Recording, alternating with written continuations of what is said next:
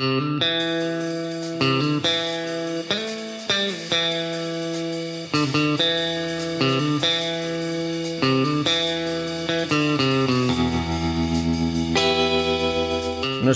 agricultor de cabecera es John Bastante, de Ibarra Baserria, ahí en el municipio de Zornocha, en eh, Vizcaya y nos propone cultivo de plantas aromáticas en, nuestra huerta. John. Opa, una, ¿qué tal? Sí, es verdad que, bueno, por ejemplo, en los caseríos antes era, había mucha costumbre de, pues, yo que sé, la hierbabuena, el batán en el entorno, ¿no? Eh, eh, algún rosal, ese tipo de combinaciones que había, pero las plantas aromáticas es una cosa que tradicionalmente eh, en la agricultura de la zona se haya proliferado mucho, ¿no? Sí, estas plantas, ¿no? Es como que eso, siempre han quedado como relegadas a, un, segundo plano, a tenerlas ahí en una esquina muerta de, la huerta. Eh, igual también en nuestra zona eh, son no como más de clima mediterráneo en, su mayoría, igual eso tiene algo, algo que ver. Pero bueno, eh, este tipo de plantas al final pues tienen muchos usos interesantes, tanto a la hora de, comerlas, ¿no? un mismo un perejil, una albahaca, como para proteger nuestros cultivos como para ayudar a, mimar un poco nuestra, nuestra salud. Sí, es verdad que bueno, la costumbre del perejil y también hasta en la ciudad de tenerlo en un tiesto o en un eh, tarro eh, ha sido como muy habitual también, por ejemplo, ¿no? Eso sí es verdad que era una costumbre muy habitual y lo de eso, lo de tener en las esquinas de la huerta, pues yo que sé, por la hierbabuena y sobre todo, bueno, por ejemplo, en zonas de Araba y de Nafarroa, eh, lo que es tomillo, albahaca y todo ese tipo de cosas, igual se daban también de forma natural también, ¿eh? Que igual no se cultivan. Por eso ya estamos más en un clima mediterráneo. Eso es, pero en la zona costera litoral, pues no es tan. Bueno, el perejil igual era el rey, ¿no? Entre ellos. Sí, ¿Qué sería del perejil sin arguiñano y de arguiñano sin perejil? la menta, la hierbabuena, ese tipo de cosas sí ha habido, ¿no? Pero un poco como como bueno residual ¿no? en ese rincón de, la huerta. Pero claro, ahora sí es verdad que la planta aromática está cogiendo una importancia tanto para el uso en la cocina, como estabas diciendo, pero también eh, bueno eh, como combinación eh, importante en, el cultivo, ¿no? en, la huerta. Sí, ¿no? sí, sí. a ver, luego también... tienen una otra cosa muy buena y es que la mayoría de ellas las podemos cultivar también en macetas. Entonces, para tenerlas o bien en la cocina o bien en la ventana o en el balcón, pues es, esos olores que nos van a, alegrar un poco, ¿no? El, más si vivimos igual en una ciudad así, pues nos van, nos van a ayudar.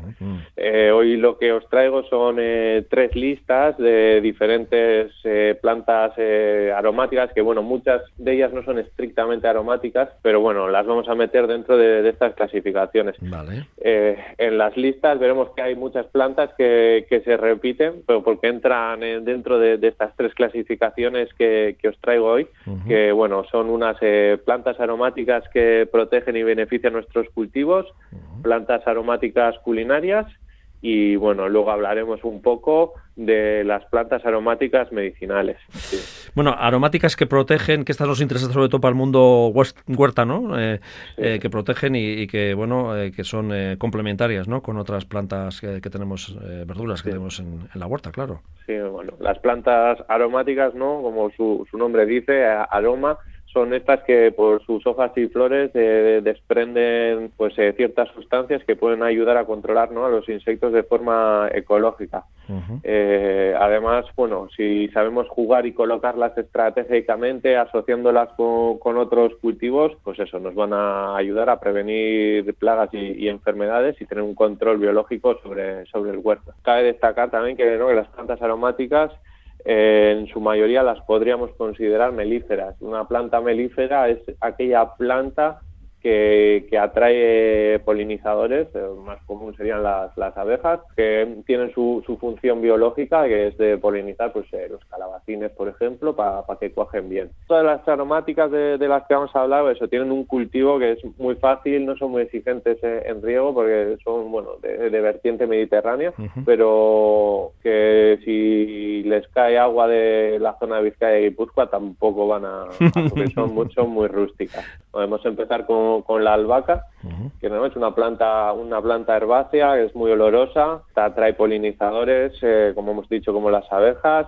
y a su vez eh, repelen la, mosca blanca en los tomates y en, los pimientos. Ah, sí, ¿eh? Eh, sí, nosotros solemos tenerla eh, dentro de, de los caballones de pimientos. Cada 10 metros solemos tener una, una planta de, de albahaca por, por esto por esto mismo. Vale, importante. Y, y luego ya, pues un poco volviendo a los cultivos en macetas, si la ponemos en la alféizar de, de la ventana también va a ayudar en cierta medida a, a repeler a, a los mosquitos. Pues muy bien, importante. Y así no tenemos que poner mosquitera ni nada por el estilo. Muy bien. Sí. Luego tendríamos también la borraja, que, que bueno, es una planta súper melífera y tiene una, una floración que, que dura mucho. Eh, luego tendríamos el, el cebollino, que está, bueno, es una planta bianual de, de la familia de, de las liliáceas, como la cebolla y Sí. los ajos, que bueno, eh, dicen que ayuda a estimular eh, el crecimiento a, a ciertas plantas zanahorias y rosales, entonces puede ser muy bueno, pues eso, buscar este tipo de, de asociaciones. Eh, luego, bueno, la hierbabuena, que es de, de la familia de, de las mentas, y suele ale- ayudar a alejar a, a los pulgones de, de los tomates y por ese olor pues también eh, atrae a, pues a otros insectos que son ¿no? los policías, nuestra fauna auxiliar que van a ayudar a, a controlar todo ese ecosistema de que no se nos disparen las, las plagas. Pues mira, la hierbabuena, el batán en euskera, sí es verdad que es una planta que habitualmente hay en casi todos los caseríos todavía, ¿no? Es Sí. como algo que no, que no falta, pero bueno, no sabía yo que tenía esa función tan interesante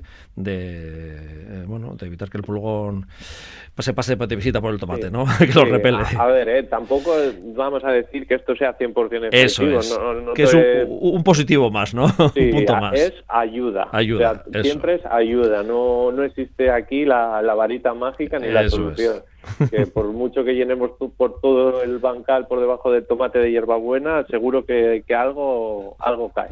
Y bueno, luego también, eh, tanto la hierbabuena como la menta, eh, dice que el esté es agradable a los roedores. Bueno, continuando ¿no? un poco, tendríamos también eh, el, perdón, la lavanda, que bueno, la lavanda en los armarios sobre todo, pues ayuda a ahuyentar a, a polillas, eh, también eh, tiene el mismo efecto en, en nuestros invernaderos y en nuestras huertas, que ahuyenta polillas, moscas, me- mosquitos. Eh, las flores las podemos utilizar eh, como remedio contra, contra las hormigas, que ya empiezan con este calor a estar un poquito ahí A despertarse, sí. da- dando lata y son las que nos traen a los pulgones. Eh, bueno, luego la, la manzanilla, que sería otra planta me- melífera, eh, también ayuda a repeler a los pulgones, junto con la lavanda. El orégano, el romero y el tomillo, que estas plantas tienen la característica también que son eh, perennes, eh, sí que en cultivos donde se aprovechan, igual están cuatro o cinco años y luego las arrancan y las cambian. O tú si plantas, en- como yo en mi caso tenemos lavandas por, por la huerta bastantes, o sea, te duran, tienen más de cinco años, están preciosas y bueno, toda la, la vida que se genera alrededor de, de estos macizos es increíble. Y bueno, el orégano, eh, pues eh, eh, aparte de ser una, una planta condimentaria, lo mismo, ayuda a repeler moscas y hormigas, eh, al igual que, que el romero.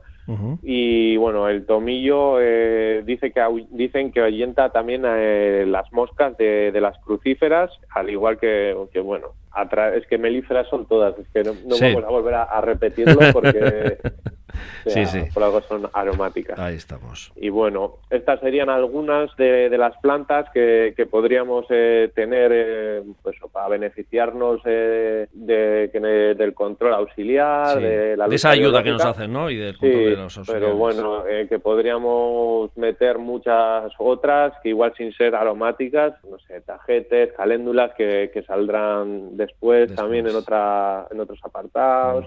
Eh, los laureles, el hinojo, o sea, que, que investiguen un poco y, Y que seguro prueben, que sí, sí, y al final buscas lo que más te guste, el olor que más te guste, el sabor que más te guste, la planta más bonita y, luego también dependerá de zonas que igual tendrán una mayor efectividad, tendrán una ma- nos realizarán esa labor de ayuda mejor o peor en función también de zonas climáticas también de, Sí, y de cómo se dé también, ¿no? Incluso de los suelos. También, Tendremos, claro. ¿no? Igual las plantas, eh, o las lavandas y así, igual son más para suelos calcáreos y tal, y hay otras que van más para los suelos eh, de la vertiente cantábrica, más ácidos. Pues bueno, poco ensayo y error. Sí, es verdad que las albahacas y las lavandas están cogiendo mucha mucha importancia en, este aspecto. Si te parece, nos vamos con las culinarias, que estas también están cogiendo mucho auge.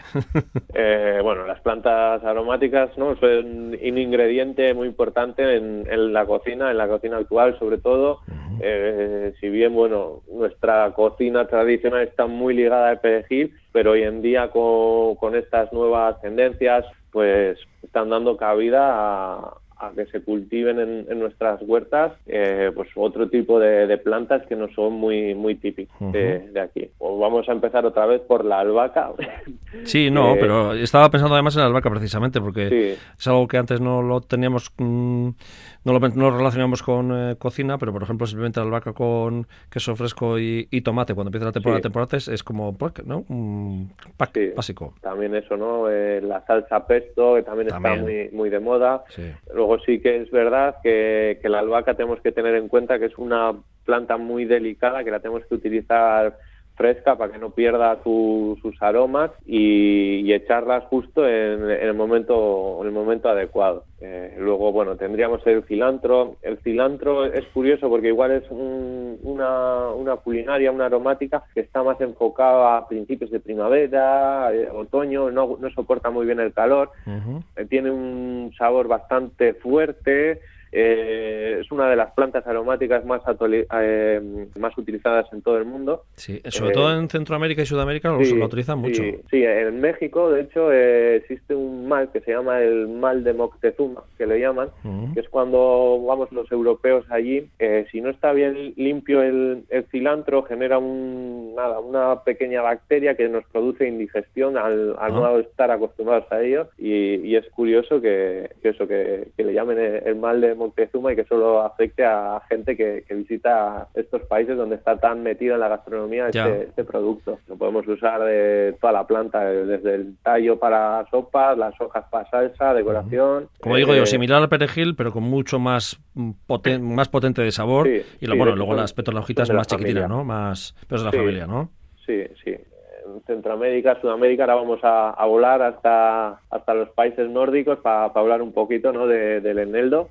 Es eh, un sabor dulce con un ligero toque anisado que bueno se suele comer bastante no liga muy bien con, con, los salmones y bueno crece muy rápido es de siembra directa es muy muy agradecido. Cilantro eneldo eh, perejil podemos hacer siembras directas, o sea, son plantas sencillas, igual tarda un poco la germinación, pero son fáciles de, sacar adelante, tapan mucho la cama de cultivo y son fáciles de, llevar. Y bueno, luego iríamos al hinojo, eh, el hinojo igual no es más, más conocido, yo llevo plantándolo un montón de años, una planta que bueno, podemos utilizar tanto el bulbo para guisos, para aquí el sabor se nos hace un poco, un poco fuerte, un poco desconocido, es más de, la zona sur de, de Lucía, incluso Marruecos. Eh, también podemos utilizar las, las hojas, tanto para decoración, las flores también se comen, mm, las semillas se utilizan mucho para repostería y, bueno, luego vamos a un árbol de, de casa, es como es el laurel.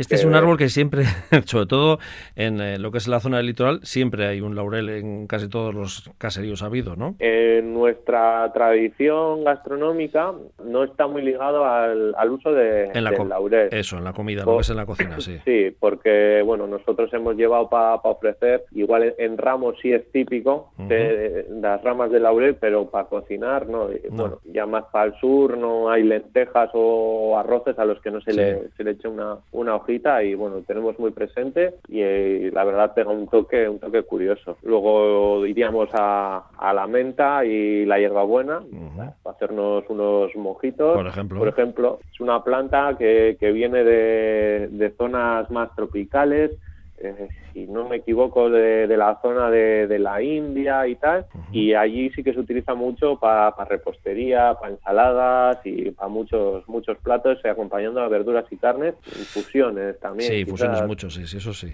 Y bueno, luego el perejil, ¿no? De, que ya hemos hablado, es la, reina absoluta en nuestras casas, y bueno, luego iríamos otra vez al romero, que es más habitual de la cocina mediterránea.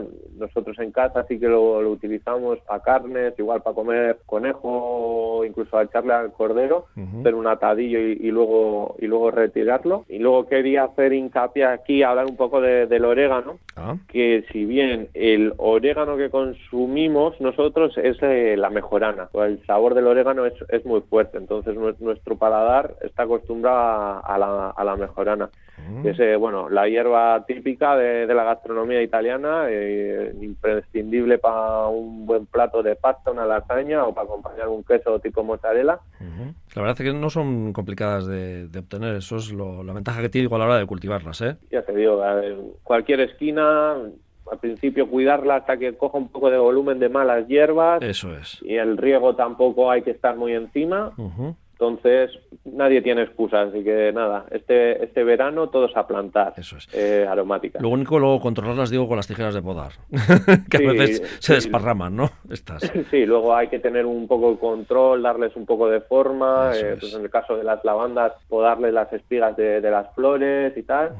Pero bueno, esto en el, caso de las perennes, eh, albahacas o mentas y tal.